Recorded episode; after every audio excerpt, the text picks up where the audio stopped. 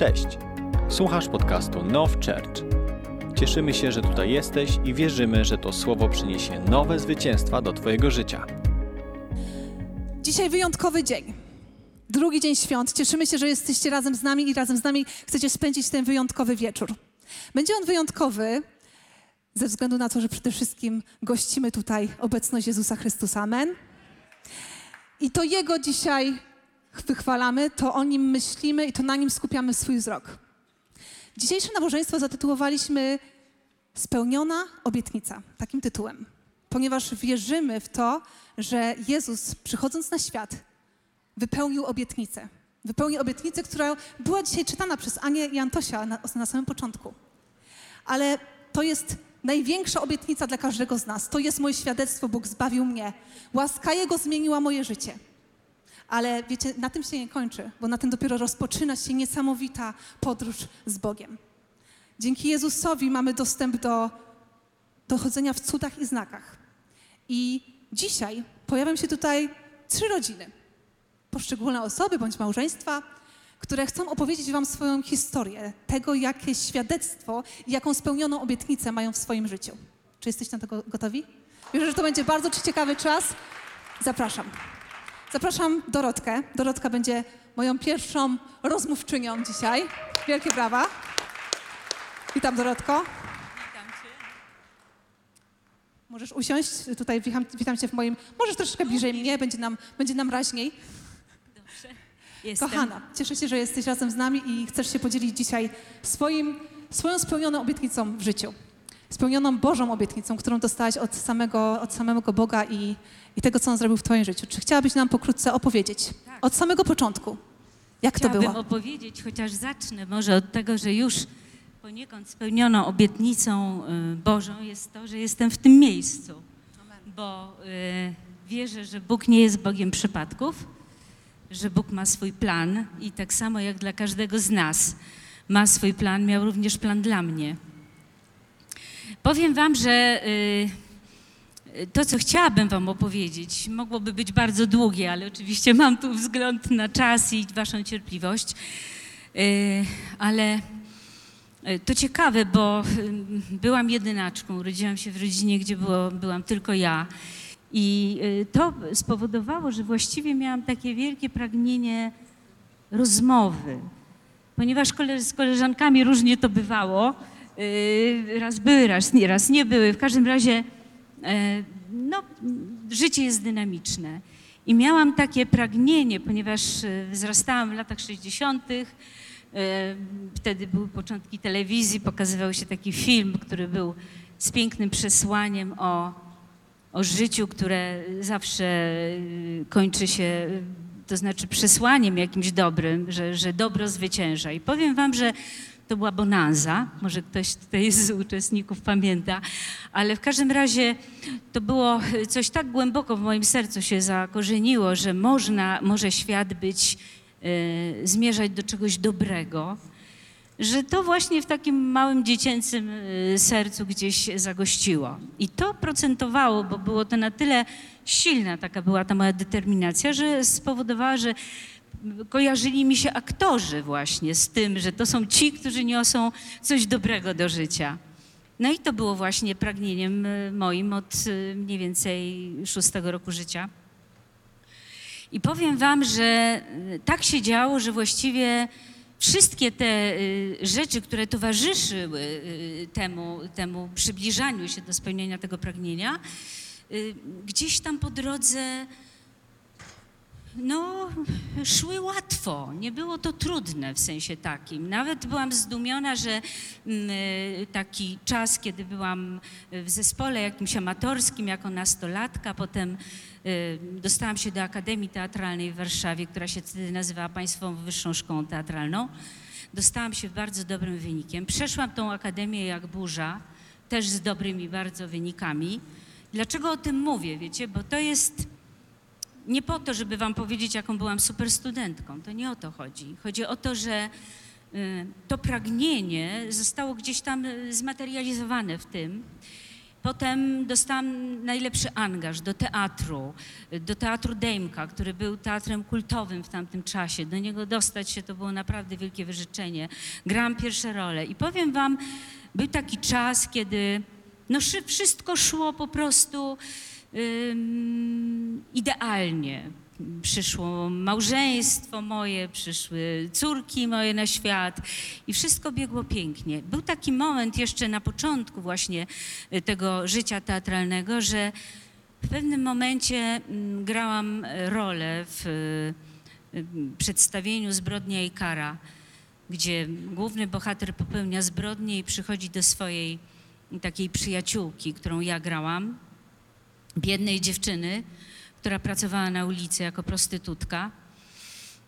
Przychodzi do niej i chce zrzucić ten ciężar, wielki ciężar takiej odpowiedzialności, jak on ma y, z tym żyć, z tą zbrodnią, którą popełnił. I tak się stało, że mm, przyszedł właśnie do tej dziewczyny, którą ja grałam. I wiecie, że tam była taka scena, już nie pamiętam, czy to jest w książce, czy to tak reżyser wymyślił, ale była taka scena, kiedy ja otwierałam Biblię i czytałam mu historię o bogatym, który przychodzi do Jezusa i mówi, co on ma zrobić. I wtedy Jezus odpowiada, łatwiej jest wielbłądowi przejść przez ucho igielne, niż bogaczowi wejść do Królestwa Niebieskiego. Na chwileczkę ci tu przerwę, bo myślę, że nasi słuchacze muszą wiedzieć, że ty wtedy nie byłaś osobą wierzącą, prawda? Tak, oczywiście. To Jako mała wszystko, co- dziewczynka, jako mała Tak, dziewczynka ja- mając to marzenie. Tak, właśnie, y, może tego nie powiedziałam, ale tak, to było, y, to było właśnie to. A te rozmowy moje dziecięce, to były potem, mi Bóg przypomniał, że to były z Nim rozmowy. Ja nawet lekcje sobie, role przepowiadałam z Nim. No, byłam po prostu bardzo... Z, Czyli rozmawiałaś z Bogiem. tak Rozmawiałam naprawdę. z Bogiem, nie, nie będąc osobą jakby religijną, więc to było też takie ciekawe. I potem mm, e, właśnie czytałam tą, tą, ten fragment z tej, z tej Ewangelii Mateusza i powiem wam, że dopiero mi po latach to Bóg przypomniał, że koledzy moi, którzy stali w kulisach i przygotowywali się do następnych scen albo schodzili wcześniej, stali i płakali.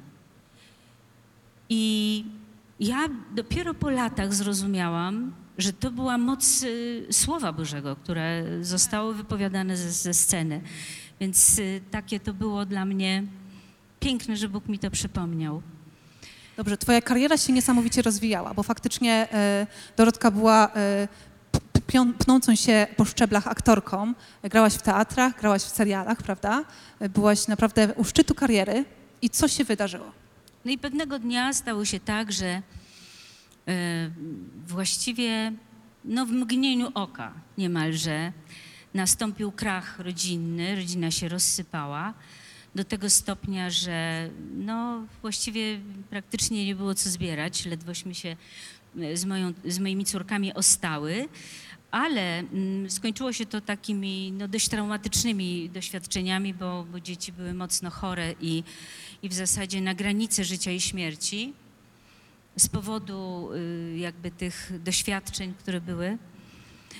No i wyobraźcie sobie, że pewnego dnia moja córka, która y, zaczęła wreszcie chodzić po pół roku do szkoły, y, przyszła do domu i wyglądała inaczej niż do tej pory, zupełnie inaczej. Była rozświetlona, była pełna blasku, była taka, jakby ja miałam wrażenie, jakby ona na, na skrzydłach wręcz fruwała do domu. I pytam, ha, pytam ją, co się stało. Ona mówi, mamo, ja poznałam prawdziwego, żywego Boga. I powiem wam, że to było no, bardzo mocne, chociaż no, w tym czasie parałam się różnymi innymi poszukiwaniami Boga, nie wiedziałam, gdzie go znaleźć i, i właściwie grzęzłam w takich no, poszukiwaniach, jakie ma świat, prawda? Wiemy, o czym, o czym mówię. Ale to bardzo mnie dotknęło. Potem zaproponowała, żeby, y, czy może ich zaprosić do domu. Tak, ja myślę sobie, że to jest świetna okazja, żeby ich poznać, żeby zobaczyć, co to za grupa. I oni przyszli. I powiem wam, że siedzieli w salonie. Ja leżałam w pokoju na podłodze obok, dlatego że pod drzwiami była szpara. Takie jedyne miejsce, przez które mogłam cokolwiek słyszeć. Leżałam na tej podłodze, na poduszce. Podparłam sobie, żeby było mi wygodniej. I potem zdałam sobie sprawę, że poduszka jest mokra do moich łez. Bo tak mnie dotykało to, co ci młodzi ludzie mówili, to, co, y, że uwielbiali Jezusa, że grali na Jego chwałę, że no po prostu to było tak piękne zobaczyć takich młodych ludzi właśnie tak szczerych przed Bogiem i takich otwartych, że niedługo potem się okazało, że ona się ochrzciła. Ja chciałam też pójść tą drogą, tak się stało, tam bardzo mocno Duch Święty mnie dotknął. No i jednocześnie y, w tym y, jakby miejscu następuje wielki zwrot, bo to już jest tam 40 parę lat mojego życia. Nagle sobie zdaję sprawę, że jestem aktorką. I poznałaś Boga, żywego Poznałam Boga. Boga i zupełnie to jest niekompatybilne, o tak się mądrze wyrażę. No i słuchajcie, jeszcze nie miałam takiej pewności, takiej e, jasnej, że mam e, całkowicie z tego zawodu odejść. No ale ponieważ jeździłam na castingi różne, gdzie y, miałam, to były takie nawet nie castingi filmowe, tylko takie reklamowe, czytałam jakieś tam y, reklamy banków, coś takiego. I myślę sobie, jak to jest? Przecież ja nie wiem, czy to jest prawda, czy to jest nieprawda. A Bóg mi przypominał wciąż, że pamiętasz, w dzieciństwie zawsze chciałaś mówić prawdę. I jak to jest z tą prawdą? No i tak rzeczywiście y, to mnie skonfrontowało z tym, że mm, właściwie poszłam na jeden, drugi casting, okazało się, że mam takie tutaj jakąś niemożność w ogóle wypowiedzenia się. I przyszłam do Boga i mówię, Boże, to co ja teraz będę robić, bo, bo widzę, że to w ogóle przestało mnie po tych latach marzeń, prawie 40, przestało mnie w ogóle pasjonować. W ogóle nie miałam w tym żadnej radości, żadnego ym, przekonania, że to jest coś w ogóle dobrego, wartościowego. Czułam, że żyję fikcją, że żyję kłamstwem, że wręcz takie nawet jakieś ym, mocne określenia mi przychodziły do głowy. No i tak się stało, że po jakimś czasie moja koleżanka, która się opiekowała dziećmi, poprosiła mnie o zastępstwo i y, przyjęłam je i zostałam przy opiece nad dziećmi przez 7 lat. Mięczyłam małe dzieci, podcierałam ich pupy, karmiłam, bawiłam, śpiewałam piosenki. Jak czułaś się w tym tranzycie nagle z, z aktorki, która była wybitna, Na nagle za, zaczęłaś zmieniać pampersy i opiekować się małymi No, dziećmi? Powiem, że to, była, to było to podcinanie takie, które Bóg już wprowadzał.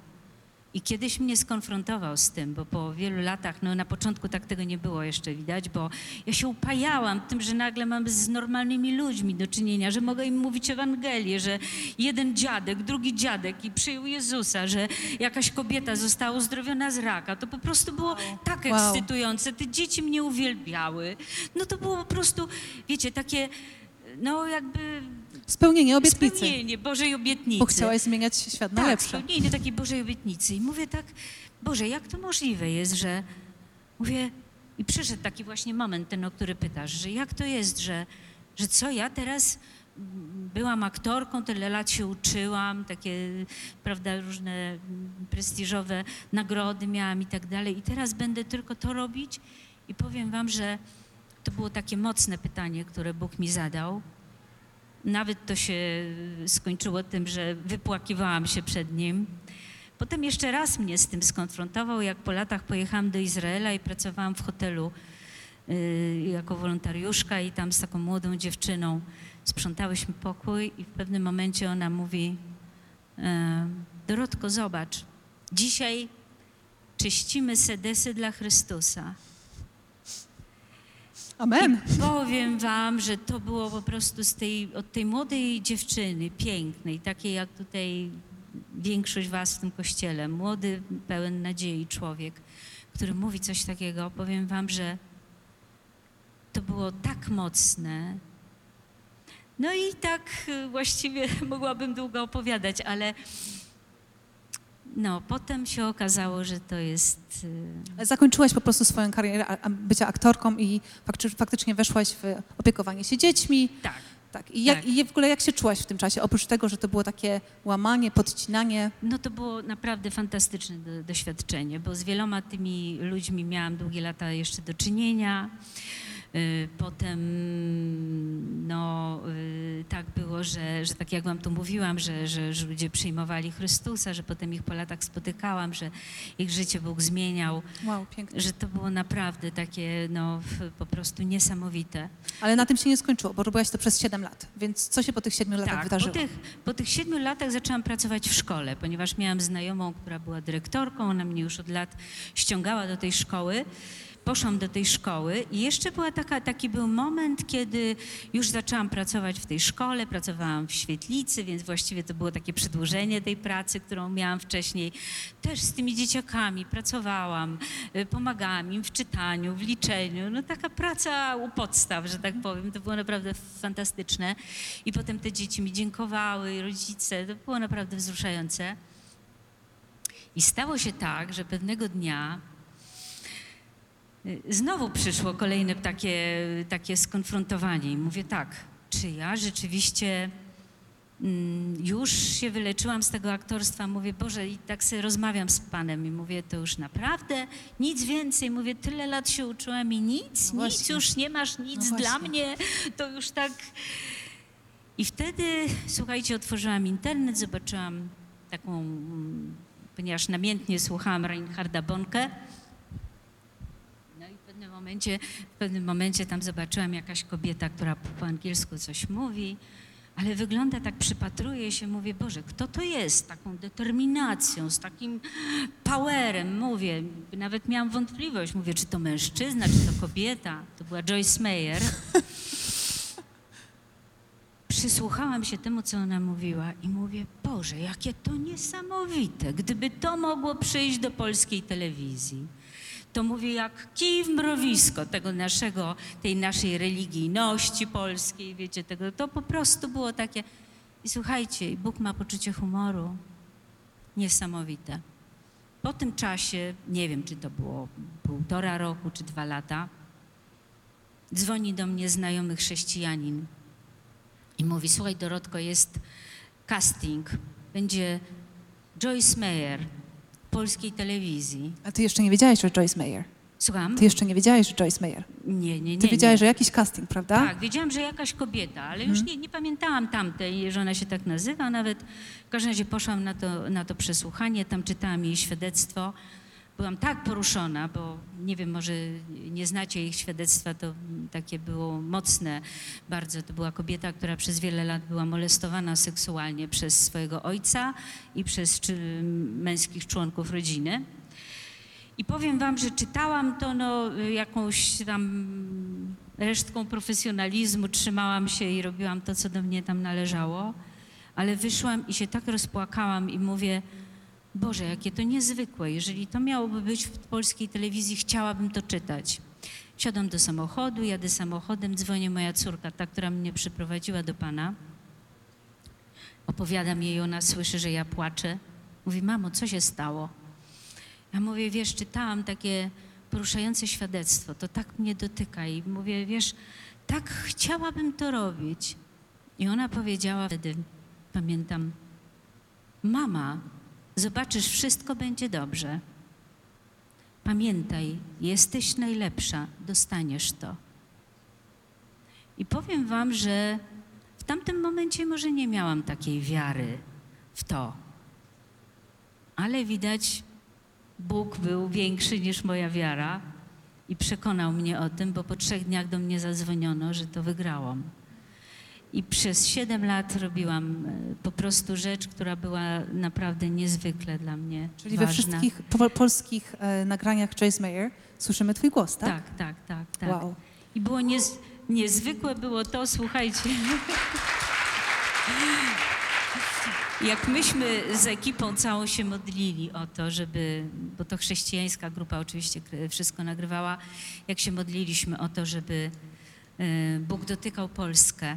I po jakimś czasie, już chyba po roku, jak były nagrania, to nagle taka mapka się pokazała Polski i się okazało, że w tym miejscu słuchali, w tym, w tym, coraz więcej. Jakieś nagle maleńkie wioski. Jakaś kobieta zadzwoniła z y, głębokiego tam gdzieś, y, z głębokich tam lasów i mówi, Chciałam wam powiedzieć, że nasz ksiądz dzisiaj chyba musiał słuchać tego, bo on o tym mówił kazanie.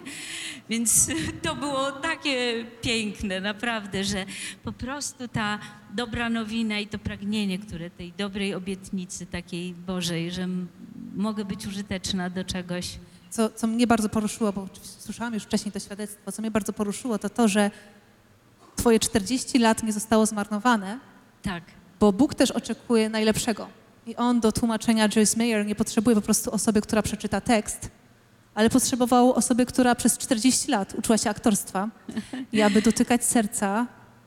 tak. I jeszcze takie to było piękne, wiecie, że potwierdził mi to, bo, y, no bo zrobiłam to jakoś tam tak na tyle, na ile umiałam dobrze. Ale potem wyjechałam do Izraela, ta praca się skończyła i zadzwoniono do mnie, powiedziałam im wcześniej, że wyjeżdżam. y, No i już jeżeli będą kolejne odcinki tam kręcone, to mówię, musicie wziąć kogoś innego, bo ja jadę na pół roku. I, no i wyobraźcie sobie, że tam w Izraelu dostałam wiadomość, że Joyce Meyer się nie zgodziła na to, żeby zmieniać głos, więc mówię, kolejne Boże zwycięstwo, nie moje, słuchajcie. Amen, amen. Czyli spełnioną Bożą obietnicą w twoim życiu, którą dostałaś jako mała dziewczynka, tak naprawdę nie znając do końca Boga, Tak, jest to, że wierzysz, że to, co robisz teraz, zmienia świat na lepsze? tak, właśnie to. I to miejsce też jest odpowiedzią na to, bo byłam w zupełnie innej konfiguracji kościelnej i dziękuję tutaj Bogu za to, że postawił na mojej drodze kobietę Bożą z Bożą determinacją, Krysię, która, która swoją właśnie swoim powerem, swoim przekonaniem, że to jest Boże miejsce, tu mnie przywiodła. I jeszcze jak Bóg mi pokazał, że to jest miejsce, że to jest to namaszczenie, że to jest to miejsce, które się modli o Polskę. Ja nie widziałam wielu Polaków modlących się o Polskę z taką pasją. Ja myślałam, powiem wam szczerze, że tylko ja jestem. Mówię, Boże, nawet jeżeli tylko ja będę się modlić o Polskę. I nagle się okazało, że są tutaj ludzie, że są pastorzy, którzy, których Bóg do tego powołał. Chwała Bogu. Amen, amen. Amen. Wielkie brawa. Cieszymy się, Dorotko, że Bóg przeprowadził przez, cię przez taką drogę.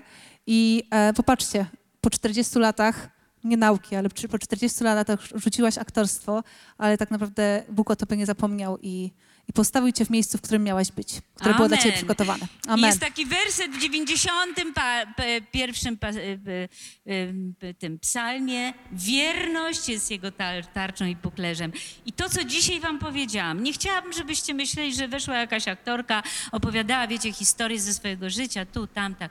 To nie. To jest historia do każdego z nas, że jeżeli my jesteśmy wierni w małym, Bóg ma dobre plany i dobre rzeczy dla nas i dlatego stójmy. I to cokolwiek wam dzisiaj powiedziałam, nie pamiętajcie o mnie, bo to nie ja, tylko Bóg w każdym z nas. Amen. Amen, amen.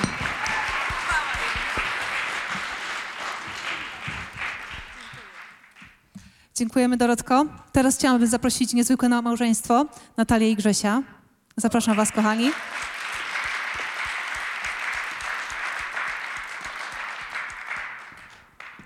To Natalia, a to Grześ. Cześć. Cześć. Już przy, przytuliłam się z pierwszą osobą, więc już teraz wypada mi ze wszystkimi.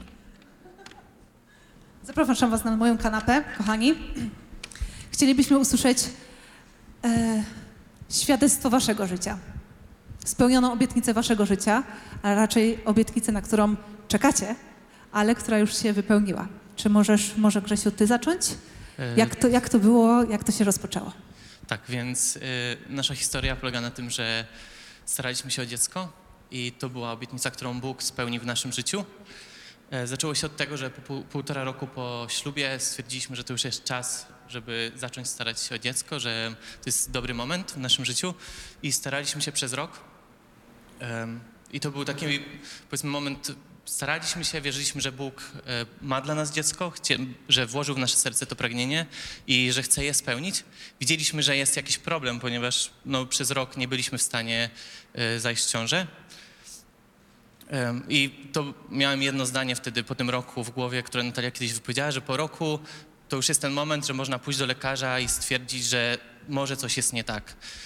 Więc przy, oczywiście ten rok był rokiem modlitw, modlitw, szuk, e, rokiem szukania takiej Bożej odpowiedzi, Bożego prowadzenia w tym wszystkim. To nie było tak, że wiecie, tylko się staraliśmy i, i wierzyliśmy, że jakoś się uda, ale wierzyliśmy, że Bóg w tym wszystkim jest i nas prowadzi w tej całej podróży. I po tym roku stwierdziliśmy, że pójdziemy do lekarza. Nie chcieliśmy zrobić tego losowo. Wiedzieliśmy, że nasza znajoma, z którą już nie mieliśmy kontaktu, była kiedyś e, u ginekologa, który wyleczył dietą jakieś dolegliwości w jej ciele.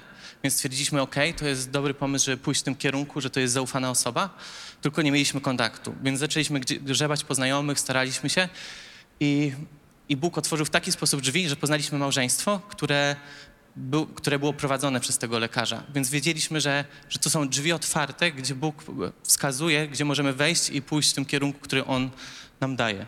Ja tu na chwileczkę jeszcze cię zatrzymam, Grzesiu, bo już przeleciałeś przez trzy czwarte tak. historię.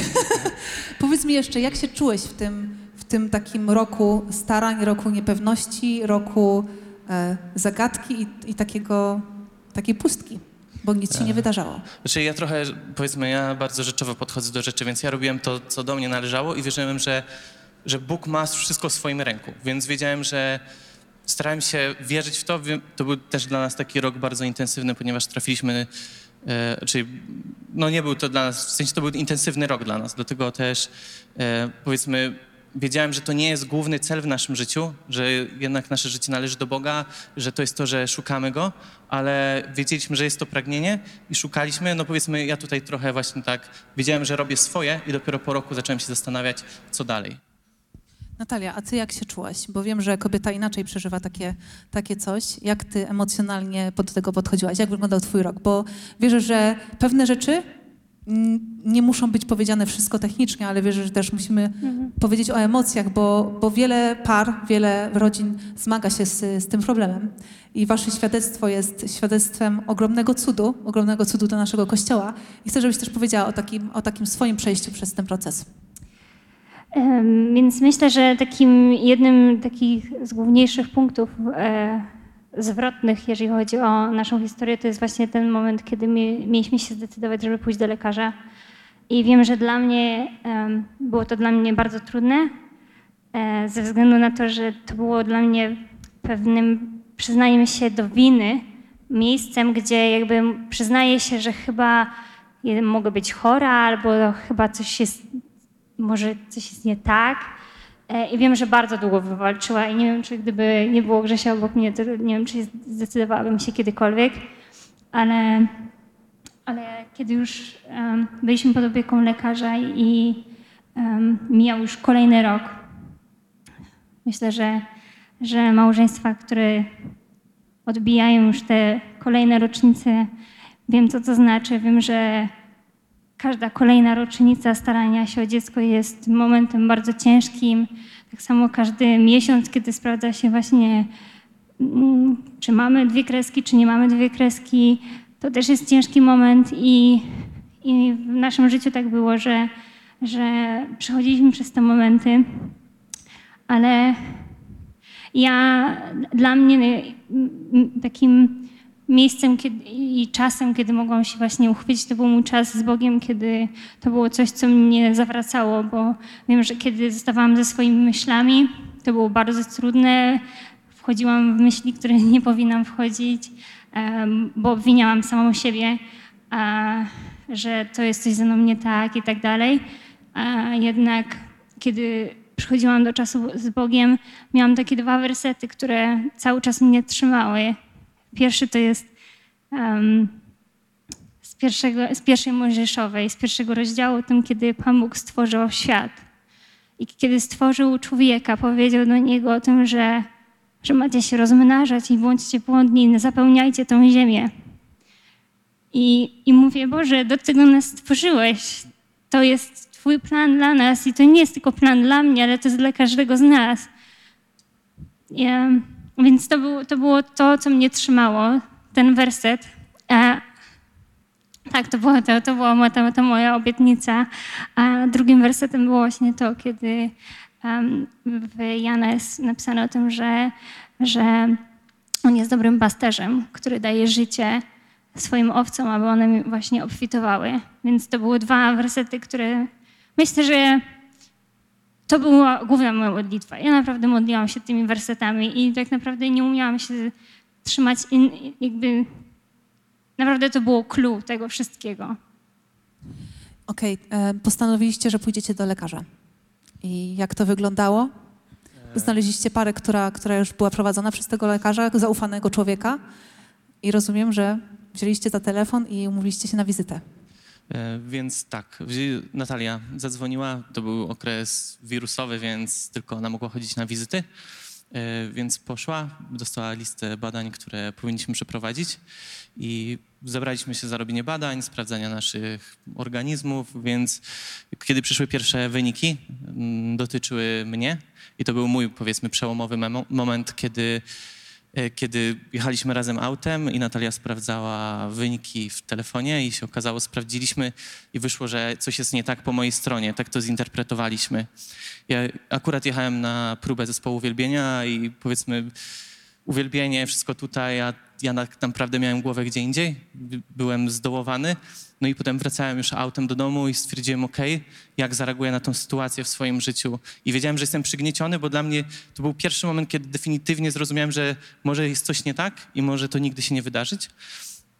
I to mnie tak tąpnęło, ale wtedy, więc stwierdziłem, ok, jak ja zareaguję i stwierdziłem, że ok, chcę spróbować wejść w uwielbienie. I jechałem w autem, próbowałem wejść w uwielbienie. Wiadomo, łatwo nie było, ale no, przez decyzję starałem się przełamać ten moment. Amen. I, no i potem, jak już wróciłem do domu, Natalia sprawdziła te wyniki, zinterpretowała trochę, gdzieś posprawdzała w internecie. Okazało się, że, że to są w normie te wyniki, które miałem. A tak naprawdę potem każde kolejne wizyty em, były em, jedną z pierwszych takich przełomowych chyba też momentów e, dla nas, jeżeli właśnie było to, że poszliśmy do lekarza, to było to, że dostaliśmy dietę, która bardzo była rygorystyczna. E, Nie mogliśmy jeść na biało, nie mogliśmy jeść glutenu. Czekaj, czekaj. Ty nie mogłaś. A Twój tak. mąż mógł, tylko, tylko poświęcił swój rok, Tak.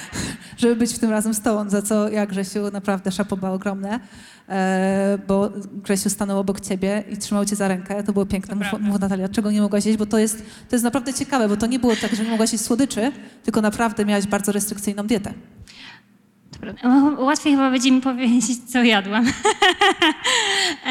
Bo w sumie przez to, że mieliśmy bardzo intensywne życie, e, wciąż, e, wciąż mamy, ale przez to, że nie mieliśmy jakoś czasu wielce gotować, to głównie jadłam wafle e, ryżowe, kabanosy i humus, do których teraz mam obrzydzenie. Ale generalnie po prostu nie mogłaś jeść glutenu. Glutenu, nabiału, jajek, kukurydzy, No a bez glutenu i bez nabiału, no to, To już już człowiek jest. nie ma pizzy, makaronów, y, y, sera, wszystkiego, mleka. tak. I jest dużo, dużo ciężej zrobić jakikolwiek posiłek. Tak, to prawda. Więc y, y, i to, to chyba, w ogóle dieta była dla mnie takim miejscem, gdzie jakby cały czas mi coś przypominało, dlaczego. Dlaczego ja to robię, bo gdybym miała robić dietę dla diety dla, tylko zdrowotnie, myślę, że nigdy w życiu bym tego się nie trzymała, ale gdzieś tam wiedziałam o tym, że jest głębszy cel. Em, I potem nadszedł moment, kiedy próbowaliśmy dalej tą, tą dietą wyregulować e, organizmy. No i się okazało, że, że to nie działa. To był około, że zadziałało, przyniosło efekt, ale nie aż taki ostateczny.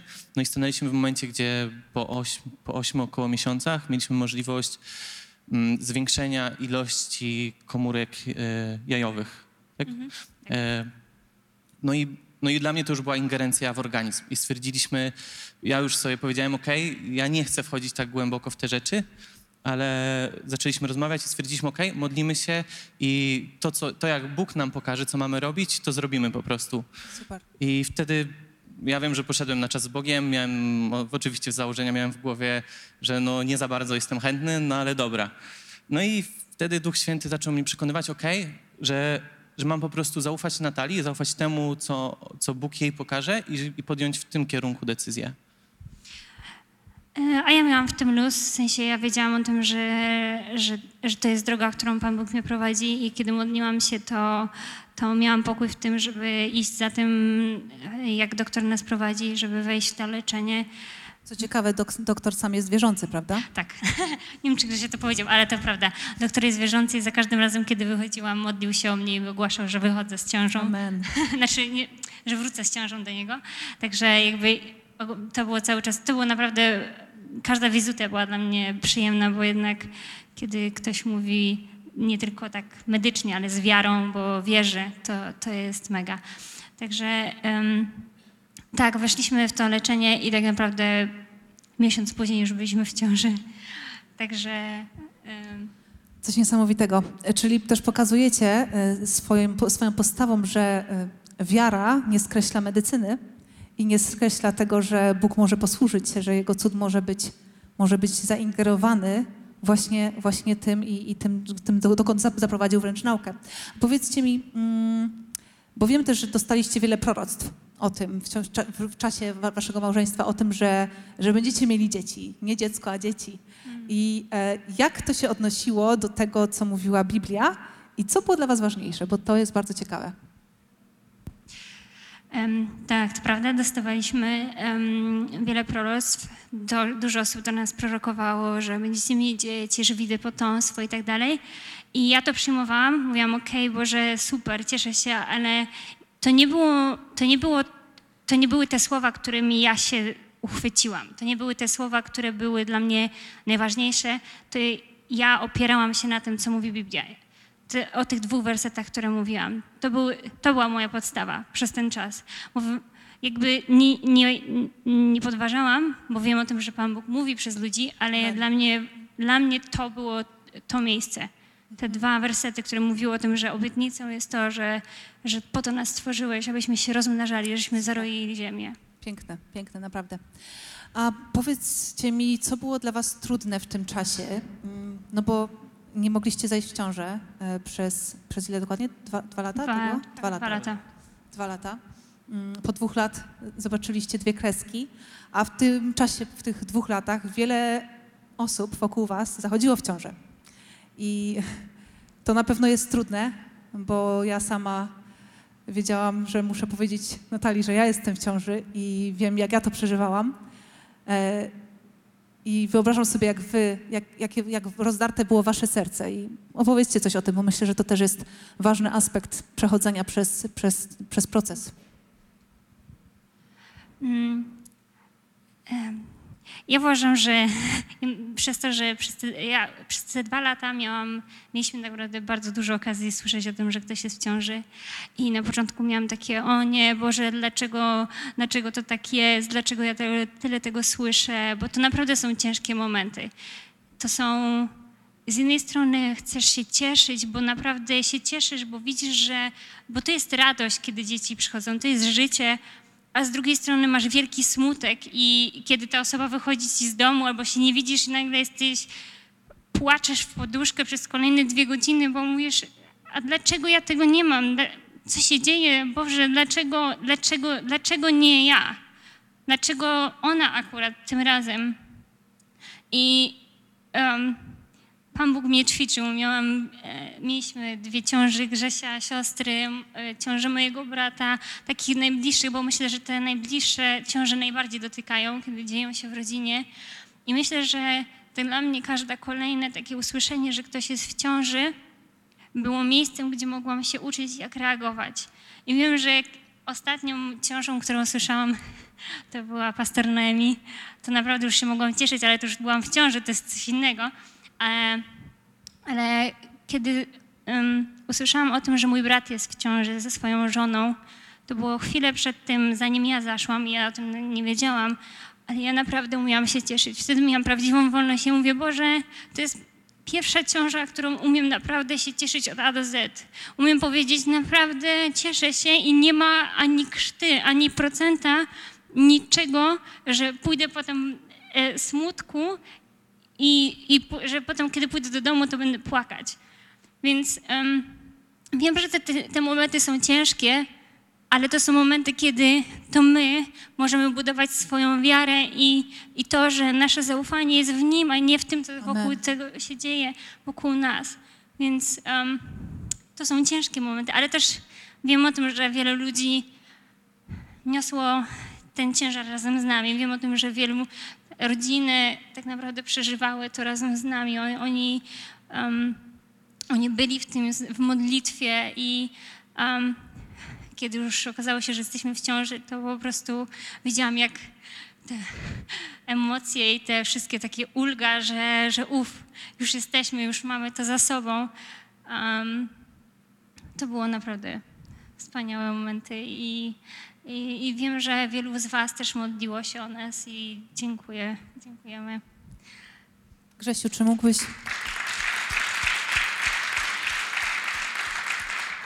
Czy mógłbyś podsumować waszą historię e, tytułem Spełnione obietnicy? Y, Tak, chciałbym jeszcze też, żeby jedna rzecz wybrzmiała tak naprawdę, że my sobie to wyobrażaliśmy inaczej. My chcieliśmy, żeby to był cud, wiecie, żeby z dnia na dzień rzeczy się zadziały, ale Bóg przeprowadził nas w taki sposób. Nie wiemy dlaczego, nie wiemy dlaczego musieliśmy iść do lekarza, dlaczego jakieś rzeczy się zadziały. Wiemy, że nasze charaktery są pozmieniane przez ten cały czas, że nasze małżeństwo się zmieniło, że wiele rzeczy się, nasze charaktery zostały ukształtowane, zostaliśmy doświadczeni w pewien sposób. I wiemy, że to była Boża droga, że stoimy w miejscu, którym, które Bóg dla nas miał i wypełnił obietnicę, która była dla naszego życia. Super. Amen. Amen. Cieszymy się i czekamy na wasze dziecko, na waszą dzidzię. Cieszymy się razem z wami. I Naprawdę wychwalamy Boga za ten cud, bo to jest cud dla całego naszego Kościoła i cieszymy się razem z wami, kochani. I wiemy, wiemy też, naprawdę ja w to wierzę, że to jest, że to jest pewien przełom, który przychodzi do naszego Kościoła. Amen, Amen. amen.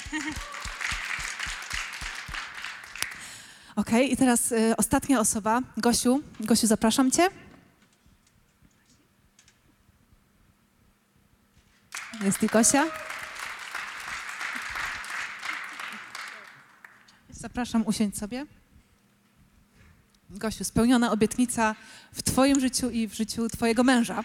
Ale zaczniemy, zaczniemy od, od ciebie. E, witam wszystkich w ogóle. No moja historia jest może troszeczkę inna, ponieważ jest będę... inna. Proszę, amen. Ponieważ będę mówiła tutaj o mojej obietnicy, którą Bóg mi dał, dotyczącą e, właśnie bycia w Polsce, bycia w tym kościele. E, także może tak po prostu opowiem mniej więcej w skrócie, co, co miało miejsce w moim życiu. E, nawróciłam się bardzo, bardzo dawno temu, także do tego już nie będziemy wracać. Natomiast około roku 2004-2005 e, miałam takie przekonanie, żeby wyjechać do Anglii. E, w tamtym czasie otworzyły się granice i no, mnóstwo ludzi wyjeżdżało. E, ale ja miałam takie prowadzenie, Bóg mnie tam zabrał. Ja wierzę w to naprawdę bardzo głęboko, że Bóg otworzył wszystkie drzwi. Także wyjechałam w roku 2005, na początku roku 2005. Na początku było wspaniale. E, Bóg zabrał mnie od razu do no, wspaniałego kościoła, bo to był akurat kościół Hillsong. E, I przez kilka lat ja naprawdę miałam tam możliwość niesamowitego wzrostu. Wierzę, że nauczyłam się bardzo wiele rzeczy. Bóg jakby no, przeprowadzał mnie przez ten proces, prawda, zmiany i wyjścia z takiej polskiej religijności, bo ja tam dopiero zobaczyłam, że no, to była taka naprawdę twierdza w moim życiu. E, no ale mijały, że tak powiem, lata i e, ja miałam jakieś tam inne marzenia dotyczące życia, prawda? E, Chciałam wyjść za mąż, chciałam w jakiś sposób mieć rodzinę. E, No i te wszystkie rzeczy się nie zdarzały i e, skończyło się to tak, jak się kończy to dla wielu imigrantów wyjeżdżających za granicę. Skończyło się niesamowitą samotnością, tym, że ja po prostu e, no naprawdę już tak za bardzo nie widziałam celu swojego pobytu tam, prawda? Miałam dobrą pracę, doszłam do jakiejś tam kariery, ale to wszystko nie dawało mi żadnej satysfakcji. Em, I powoli zaczęli do mnie przychodzić ludzie i mówić mi bardzo konkretnie, że Bóg będzie mnie używał w Polsce, że mam wrócić do Polski, że to jest Boża obietnica dla mnie, że Bóg, Bóg chce mnie używać w Polsce, że ja, że ja będę służyła Polakom. Em, wszyscy znajomi moi, którzy w ogóle znali mnie, to, bo ja tak powoli zaczęłam się przyzwyczaić do tej my- myśli, zaczęłam tak myśleć, Boże, no, jeżeli ty chcesz, to ja wrócę do Polski. Aczkolwiek było bardzo ciężko, bo ja naprawdę zerwałam wszystkie mosty za sobą. Ja y, nawet już właściwie nie miałam dokąd wracać. Em, ale no mówię, no, bazując na tym, co powiedział mi Bóg, tylko i wyłącznie, E, Wróciłam do tej Polski w roku 2014. Zaczęłam tak powoli tutaj sobie układać życie. Ale też tak jakby nie mogłam znaleźć swojego miejsca. Także zakończyło się to w ten sposób, że ja y, postanowiłam później, że będę dojeżdżać do pracy, do Anglii i, i wciąż byłam taka rozdarta, prawda, między, między jednym a drugim. E, Ta samotność w moim życiu się bardzo pogłębiała. Em, Ja w ogóle pracuję jako pielęgniarka, także takie w ogóle okresy przedświąteczne, to ja zaczynałam wpadać w taki e, stan paniki już na początku grudnia, że co ja zrobię na święta, co ja będę robić na święta. sama? Dokładnie, że będę sama, że, że właściwie nikogo nie ma. E, brałam specjalnie dyżury. Pamiętam, że w roku 2018 to e, ja specjalnie zamieniłam się z koleżanką, żeby pracować święta Bożego Narodzenia. Em, Co jej mąż po prostu kazał się zapytać mnie, czy ja normalna jestem. tak było naprawdę. Także, także w tym wszystkim jakby ja, ja cały czas modliłam się, szukałam Bożej woli. Mówiłam, Boże, jeżeli Ty mnie wysłałeś do Polski, to Ty masz tutaj dla mnie jakieś miejsce. Także co to właściwie jest? I modliłaś się wtedy też o męża, prawda? Modliłam się o męża, modliłam się w ogóle latami o męża. W międzyczasie zdążyłam być w kilku takich naprawdę nieciekawych relacjach, ale ponieważ no ja zawsze jakby modliłam się o to, ufałam Bogu, e, pytałam Go, e, to wierzę, że Bóg pewne rzeczy zatrzymał w moim życiu. E, No właśnie już w którymś momencie, właśnie w tym słynnym 2018 roku, to właśnie tak było, że ja e, wyszłam z relacji, która no była dość powiedzmy sobie toksyczna i e, no i właśnie zostałam sama. To miało miejsce dokładnie w październiku, czyli zostałam sama na święta. Em, No mówię, no doszłam do takiego miejsca, że ja po prostu wiedziałam, że coś się w moim życiu musi zdarzyć, bo no dalej tak być nie może. E, W roku 2019 spotkałam mojego obecnego męża. E, Także potem już sprawy potoczyły się dosyć szybko. Pobraliśmy się w roku 2019 w e, lipcu. W lipcu. I w tamtym czasie mojego męża, tutaj myślę większość osób zna. W tamtym czasie postanowiłam, że już wracam na stałe do Polski. Że nie będzie żadnego takiego jeżdżę tu, trochę jestem tu, trochę jestem tam, prawda? E, Bazując też na tym, że no, no właściwie miałam już teraz dokąd wracać.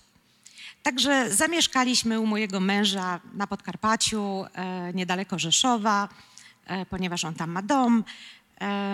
Było nam fajnie. Prowadziliśmy takie naprawdę wygodne życie. Mieliśmy duży dom, 180 metrów, dwa samochody, fajne prace. E, Brzmi fantastycznie. no naprawdę było, w tamtym momencie było fajnie, aczkolwiek no mówię, no dalej było tak samo, że byliśmy w tym domu dużym, wielkim sami. Mój mąż, który jest nieprzeciętnie gościnny, naprawdę zapraszał ludzi na prawo i lewo. No jakoś tak w sumie nikt nie przyjeżdżał. E, Czyli nawet nie tyle co sami, a samotni. No więc właśnie o to chodzi, że no, brakowało nam jakby tych relacji. Byliśmy w bardzo dobrym kościele, ale jakoś tak ja, e, ja w ogóle nie czułam, że to jest moje miejsce. Cały czas miałam jakieś takie oczekiwania. Mówiłam, Boże, Ty mi co innego obiecałeś. Ty mi obiecałeś, że my będziemy z ludźmi, że... Ja zawsze tak to sobie wyobrażałam. Ja wyobrażałam sobie, że będziemy mieć wokół siebie dużo ludzi, jakieś grupy u nas w domu i tak dalej, i tak dalej. I co się wydarzyło? No i e, no stało telefon. się tak, że po kilku miesiącach tej sielanki mój mąż stracił pracę. Em, no i nie mógł przez pół roku znaleźć niczego tam lokalnie na Podkarpaciu. To był też czas COVID-u, prawda? E, Był to czas COVID-u, ale no, właściwie ja myślę, że to właściwie Bóg tak robił, ponieważ On no, widział nas tutaj w Warszawie. No i w którymś momencie mój mąż zaczął e, wychodzić z, taką jakby, z takim jakby pomysłem, że on e, będzie pracował w Warszawie. Ja w tamtym czasie byłam w ogóle bardzo przeciwko, bo to tak daleko i może, może nie wiem, w Krakowie sobie czegoś poszuka i będzie bliżej. Ale któregoś dnia miała miejsce taka sytuacja, że e, Janusz rozmawiał z koleżanką swoją, którą znał ze szkoły, do której chodził biblijnej. I ona mu mówiła w takiej swojej wielkiej ekscytacji. Był to wtedy czas, kiedy powstawał e, właśnie Kościół Now, e, tak jak ja teraz na to patrzę, bo to było akurat lato. E, 2020? 2020, tak. E, no i ona mu mówiła, że ona po prostu sprzedaje swoje mieszkanie w małej miejscowości, z której była, przyjeżdża tutaj do Warszawy, żeby być w kościele Now. I mój mąż tam jej tłumaczy, że to tak nie do końca jest rozsądne i tak dalej. E, Ja natomiast usłyszałam w swoim sercu, że my też tam powinniśmy być. I od tej pory właśnie jakby już zaczęłam patrzeć na to wszystko inaczej. Zaczęłam tak mówić, Boże, a może Ty nas chcesz w Warszawie? Wręcz do tego stopnia, że zaczęłam przeglądać ogłoszenia o pracę i tak dalej, i tak dalej. E, minęło parę miesięcy, ja straciłam pracę, także teraz to już naprawdę nic nie mieliśmy. E, no mówię, ponieważ jestem pielęgniarką, to e, szybko podjęłam też inną, ale jakoś tak wiedziałam, że że to nie jest to, prawda, że to nie jest to. I zaczęłam się modlić mówię, Boże, no jeżeli Ty rzeczywiście chcesz nas w tej Warszawie, w międzyczasie mój mąż e, zrezygnował z tamtej pracy w Warszawie, przyjechał z powrotem na Podkarpacie, znowu szukał, znowu się modliliśmy i dalej nic nie znalazł. Także zaczął znowu dojeżdżać do tej Warszawy ze względu na finanse. I mówię, w tamtym czasie ja już, ja już zaczęłam na to zupełnie inaczej patrzeć. Zaczęłam się modlić o to, mówię, Boże, jeżeli Ty nas chcesz w Warszawie, to ja Ciebie bardzo proszę, żebyś dał nam jakieś mieszkanie, tanie. No, Ty to po prostu tego poszukaj, bo ja nie będę chodziła i ze studentami walczyła, e, bo my jakby już nie jesteśmy w tym wieku i, i po prostu no, e, no nie ten poziom, nie? Także y, po tej modlitwie, dosłownie w tym samym tygodniu, Janusz wrócił z tej Warszawy i powiedział: Słuchaj, dostałem ofertę mieszkania. Ktoś mi zaoferował do wynajmu, ktoś z naszych znajomych, e, ponad 70-metrowe mieszkanie, e, które w ogóle było bardzo tanie w cenie kawalerki. E, Pokazał mi zdjęcia i tak dalej, i tak dalej. Ja, dwie łazienki. Ja byłam po prostu zachwycona, naprawdę. Idealny, żeby mieć dużo gości. Dokładnie. Idealne, żeby mieć dużo gości, właśnie. I, em, no i właściwie no, wtedy już podjęliśmy decyzję. Ja zaczęłam, zaczęłam się modlić o to, żeby komuś zostawić ten nasz dom, żeby tak po prostu no, no nie stał, bo trzeba go ogrzewać i tak dalej. I też znalazło się takie małżeństwo. Wsz- Wszystko od tej pory zaczęło się po prostu tak niesamowicie układać, że ja już nie miałam żadnej wątpliwości, że to jest wolą Bożą, żebyśmy byli w tej Warszawie. Potem się jeszcze okazało, mówię, no ja cały czas z tą myślą, że, że będziemy chodzić do Now Church. Okazało się, że nasze mieszkanie jest e, dosłownie 10 minut samochodem stąd. Także to też był taki niesamowity jakby bonus, bo e, no, Warszawa jest duża. No i pamiętam, że, że pierwsze spotkanie, na które przyjechaliśmy, to było, bo się tak wyrobiliśmy, że byliśmy na pierwszym spotkaniu w tym roku. Czyli my zaczęliśmy od stycznia e, 2001 roku. Em, 2021. tak. Dwu- 2021, przepraszam. E, I kiedy tylko weszłam tego budynku tutaj, e, to po prostu no, niesamowita Boża obecność. Naprawdę poczułam powalającą Bożą obecność i ja po prostu usłyszałam, jak Bóg do mnie mówi: Jesteście w domu. Także.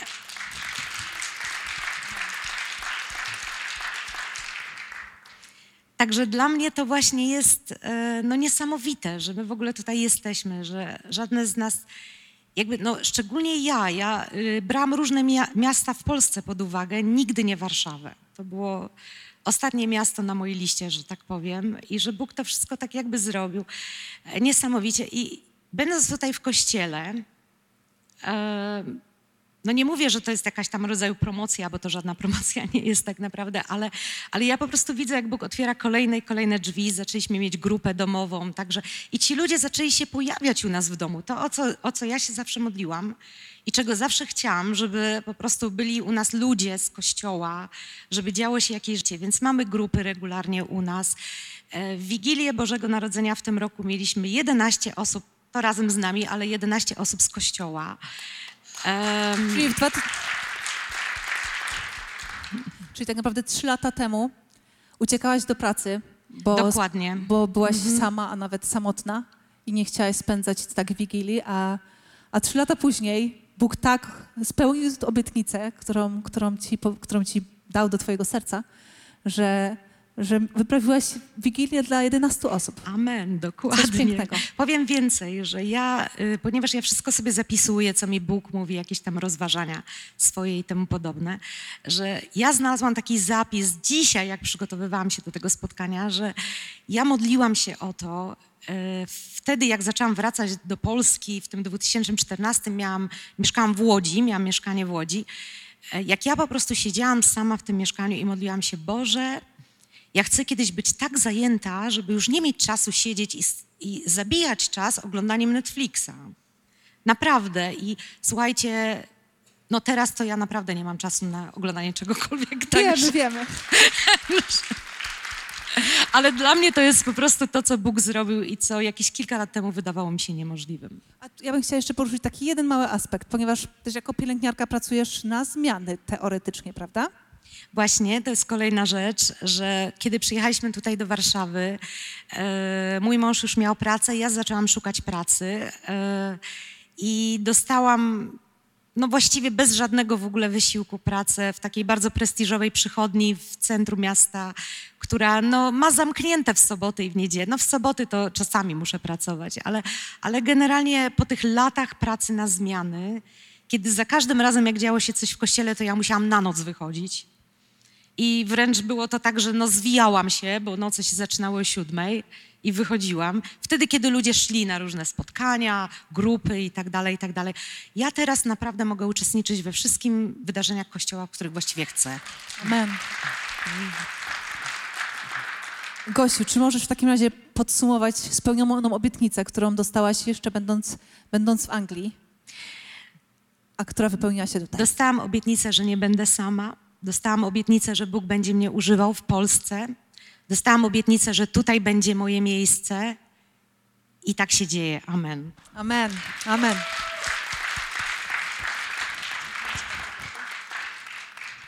Dziękuję Ci bardzo, kochana. E, kochani, taki jest nasz Bóg. Ja tutaj postawię, postawię kropkę, a tak naprawdę przecinek, bo teraz zapraszam pastora Jakuba.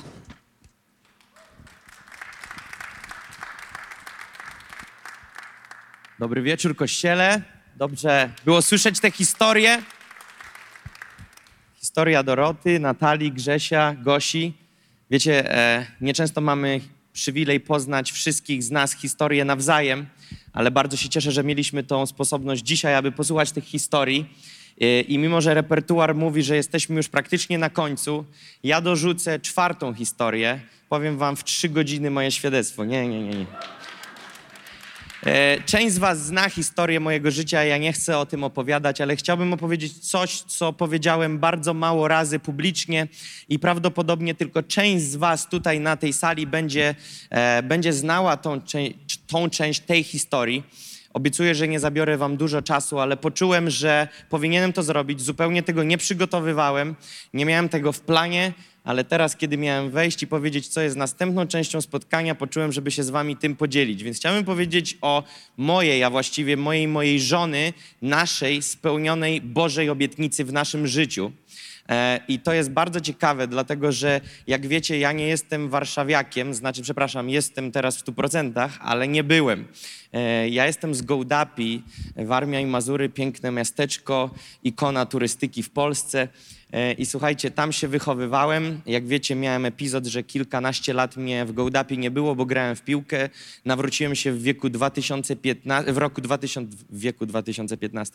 W roku 2015 e, miałem, miałem czas, w którym się nawróciłem i i wiązałem całą przyszłość z Gołdapią, bo tam się wprowadziliśmy z moją żoną po ślubie.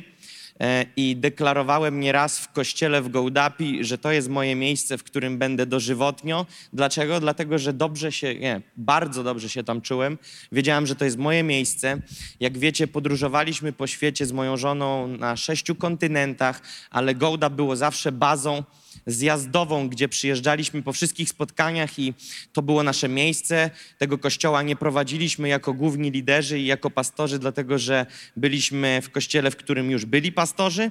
E, Byliśmy tam jednymi z, jednymi z kilku liderów E, i pamiętam jak w 2019 roku e, planowaliśmy wybudować sobie dom właśnie w Gołdapi na Mazurach i planowaliśmy, że, że przed grudniem, końcem grudnia 2019 roku będą już wylane fundamenty pod ten dom. Za wszystkie oszczędności, jakie mieliśmy, udało się nam zakupić działkę. E, mieliśmy przeznaczone trochę więcej tych pieniędzy na działkę, całe te swoje oszczędności. Okazało się, że znajomy znajomego znajomej i ta działka była w dużo tańszej kwocie dla nas, więc mieliśmy finansów trochę, aby rozpocząć tą budowę. Więc za- plan był taki, z końcem 2019 roku stoją fundamenty pod dom. I pamiętam, jak ruszyliśmy z tą procedurą gdzieś w okolicach, prawdopodobnie przed wakacjami, tego nie pamiętam dokładnie, kiedy to było. E, Mieliśmy panią architekt, z którą już w naszym mieszkaniu, w którym mieszkaliśmy wtedy w bloku, e, oglądaliśmy katalog z projektami domów, wybieraliśmy, które nam się podobają, które nie. Więc wiecie, my tam mieliśmy zostać dożywotnio. E, I wszystko było zaklepane. Ustaliliśmy sobie, że do końca roku fundamenty tam się znajdą. Ciekawa sytuacja, dlatego że ta pani była tak w miarę wysoko w hierarchii miasta, że to ona wydawała zezwolenia na budowę. Więc to wszystko by było ekspresem. E, to też był cud. E, nie na dzień dzisiejszy ta historia. I pamiętam, jak w okolicach sierpnia, może września, tego też nie mam zarejestrowanego i zapisanego, tak czy inaczej końcówka wakacji, początek roku szkolnego, dostaję silne przekonanie pewnego ranka, tak jakbym dosłownie, nie umiem tego określić, ale tak jakbym, jakbym był w ciąży z tym, że moje miejsce i mojej żony nie jest w Gołdapi, a w Warszawie. I mi się to tak trochę nie spięło. Ja pamiętam, jak przyszedłem do, do pokoju, e, moja żona tam była, poszliśmy w odwiedziny do moich rodziców i ja rano przy stole mówię do moich rodziców i do mojej żony, słuchajcie, ja dostałem dzisiaj silne przekonanie, że my jedziemy do Warszawy. Ja, wiecie, wszyscy w szoku, a moja żona mówi do mnie, a ja już to wiem od dawna i czekałam, aż Bóg ci to powie, bo mi już to powiedział. I wiecie, obietnicę, jaką mi dał i mojej żonie, która dziś jest spełniona, była taka, że powstanie w Warszawie kościół. Że powstanie kościół, do którego my mamy przyłożyć rękę do założenia, e, że mamy przyjechać w 2020 roku do Warszawy, założyć kościół i że Bóg pośle na to miejsce ludzi, którzy będą częścią tej rodziny, którzy będą częścią tego kościoła. I kiedy słucham tych historii dzisiaj i kiedy widzę Was na tej sali, kiedy widzę domowników, kiedy widzę gości, kiedy widzę tych, którzy są tu po raz setny i tych, którzy są po raz pierwszy, chcę Wam powiedzieć, że patrząc dzisiaj na Was w tym momencie, mogę powiedzieć, Bóg jest tym, który spełnia swoje obietnice i Wy jesteście tą spełnioną obietnicą. I to jest niezwykły czas, kiedy chcielibyśmy z tej okazji z moją żoną, którą chciałbym teraz zaprosić, chciałbym, żebyście ją przywitali bardzo mocno.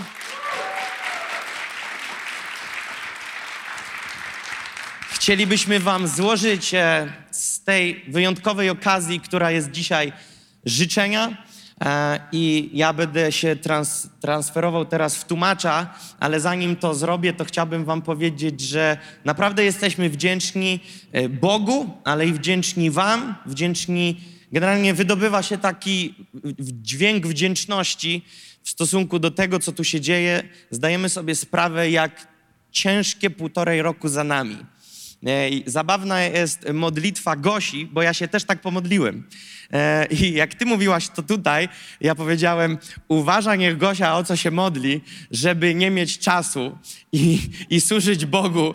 E, I pamiętam, jak kiedyś, jeszcze zanim się pobraliśmy, byłem w Polsce i wiecie, moja służba polegała Bogu na tym, że co weekend gdzieś jeździłem i nie prowadziliśmy niczego lokalnie jako główni liderzy, nie mieliśmy żadnej bazy naszej służby, więc ja tak naprawdę oczekiwałem tylko na kolejne zaproszenia, które spływały dynamicznie.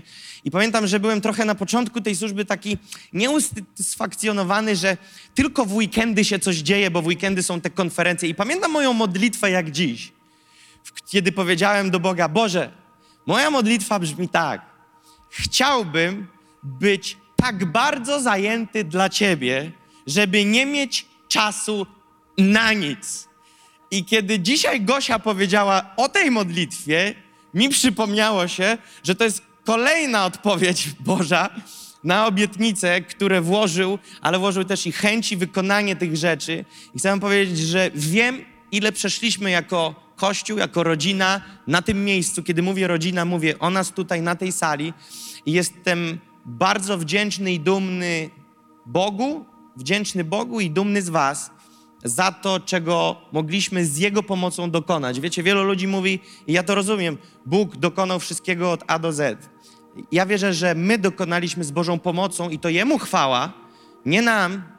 My jesteśmy w cieniu, ale to Bóg dał Wam, nam, chcenie i wykonanie.